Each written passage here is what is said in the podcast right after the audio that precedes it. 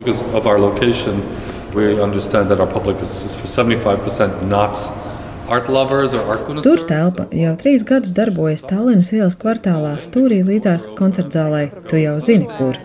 Kādreiz šeit bija sanitārā transporta autobāze, bet šodien plašās telpas ar 7 metrus augstiem griestiem ir mākslinieku vadīta vieta jaunām idejām un eksperimentiem mākslā. I'm, uh, Ed Schouten, I'm a Dutch artist and curator.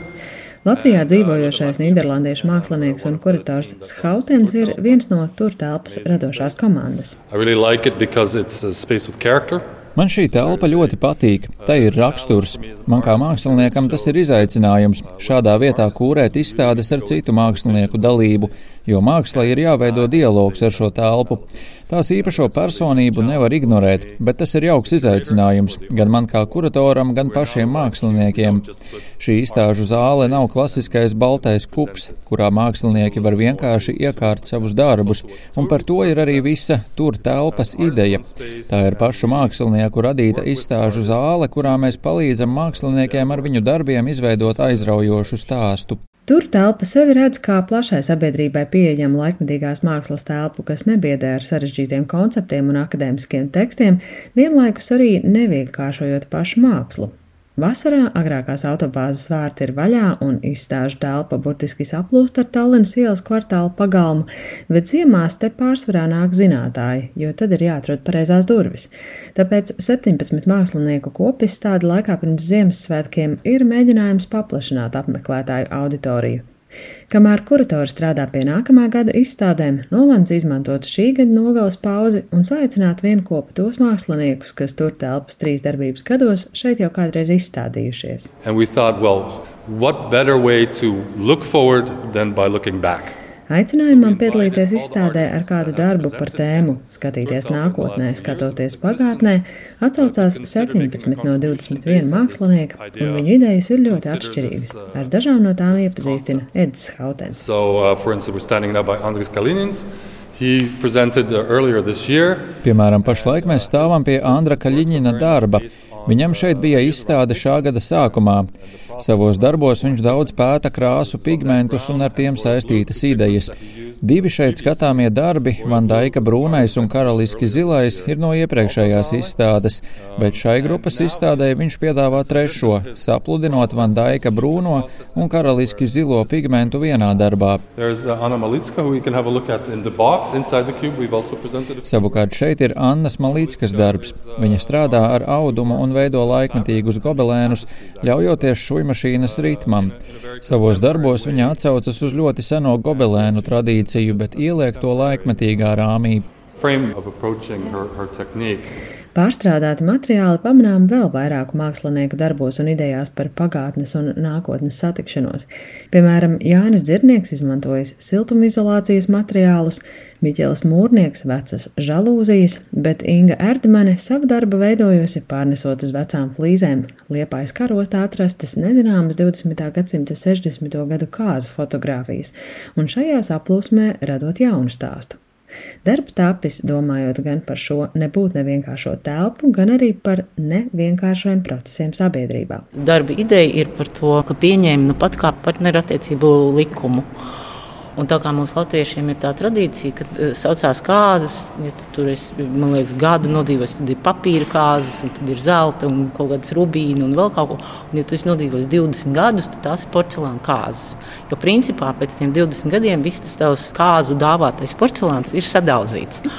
Un līdz ar to tā ir tāda kā reference, ka tev ir nu, jāpārskata tie savi stereotipiskie viedokļi, vai tev ir nu, jāiztīra tā māja un jāpielāgojas tam uh, jaunajam dzīves ritmam. Savukārt Krišjāns Elviks, kurš pašlaik dzīvo Berlīnē, nākotnes retrospekcijām radījis instalāciju no pārstrādāta apģērba, kam ir vistiešākā saikne ar viņa pagātnes un nākotnes izjūtām. Viens no šiem apģērbiem ir uh, baltās džinses, kurās es performēju šeit savā personālistādē pirms vairākiem gadiem, un tad ir arī kamuflāžas jaka.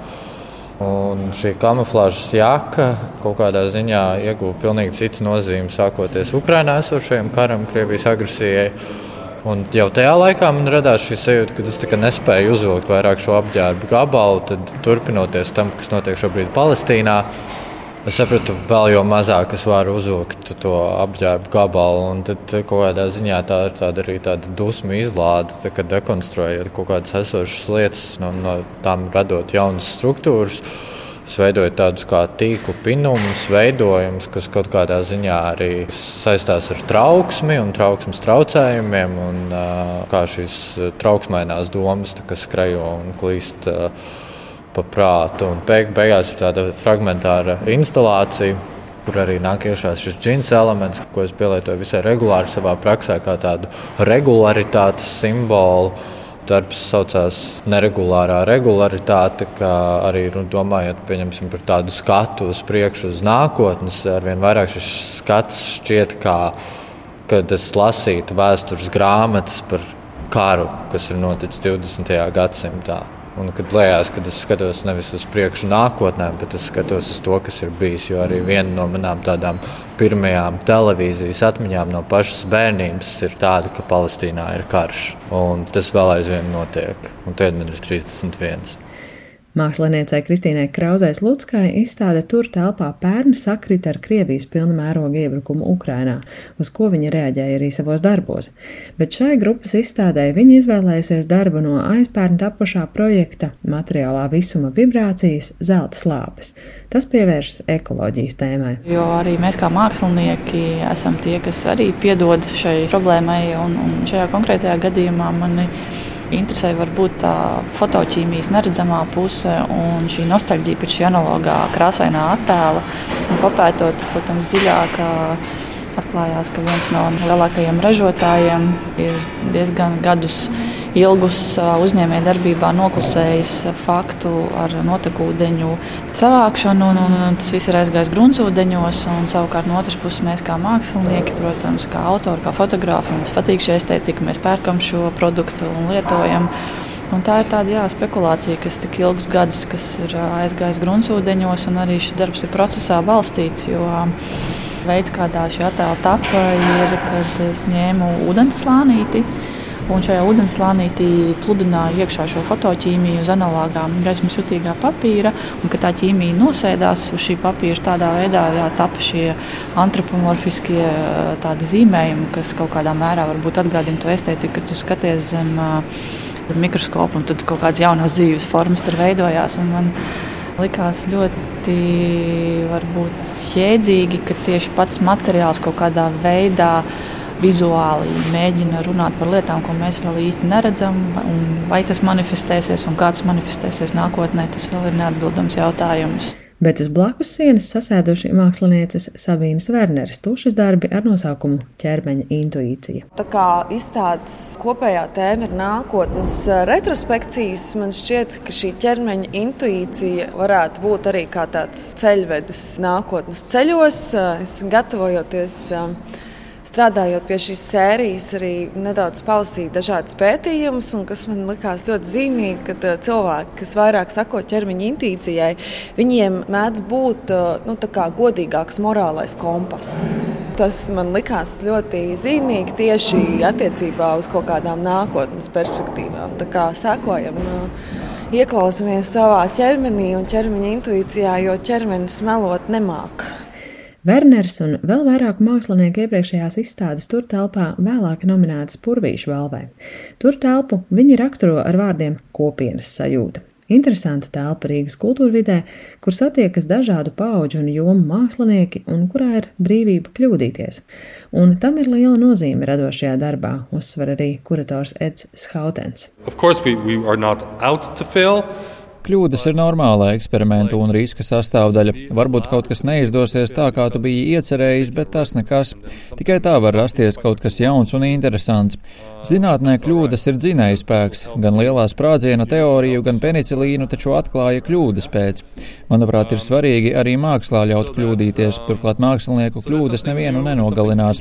Tāpēc vēlamies radīt vidi, kur mākslinieki brīvi var izmēģināt kaut ko jaunu, kaut ko citādāku un nebaidīties, ka kaut kas nesanāks. Un mēs kā kolēģi un izstāžu zāles komanda esam līdzās, lai viņus atbalstītu.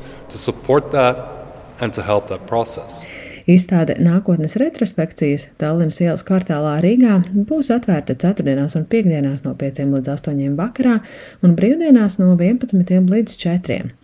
Darbus varēs apskatīt un pēc vēlēšanās arī iegādāties līdz 22. decembrim, bet nākamā gada programmu tur telpa sāks ar mākslinieces Loīzes Rukšānes izstādi.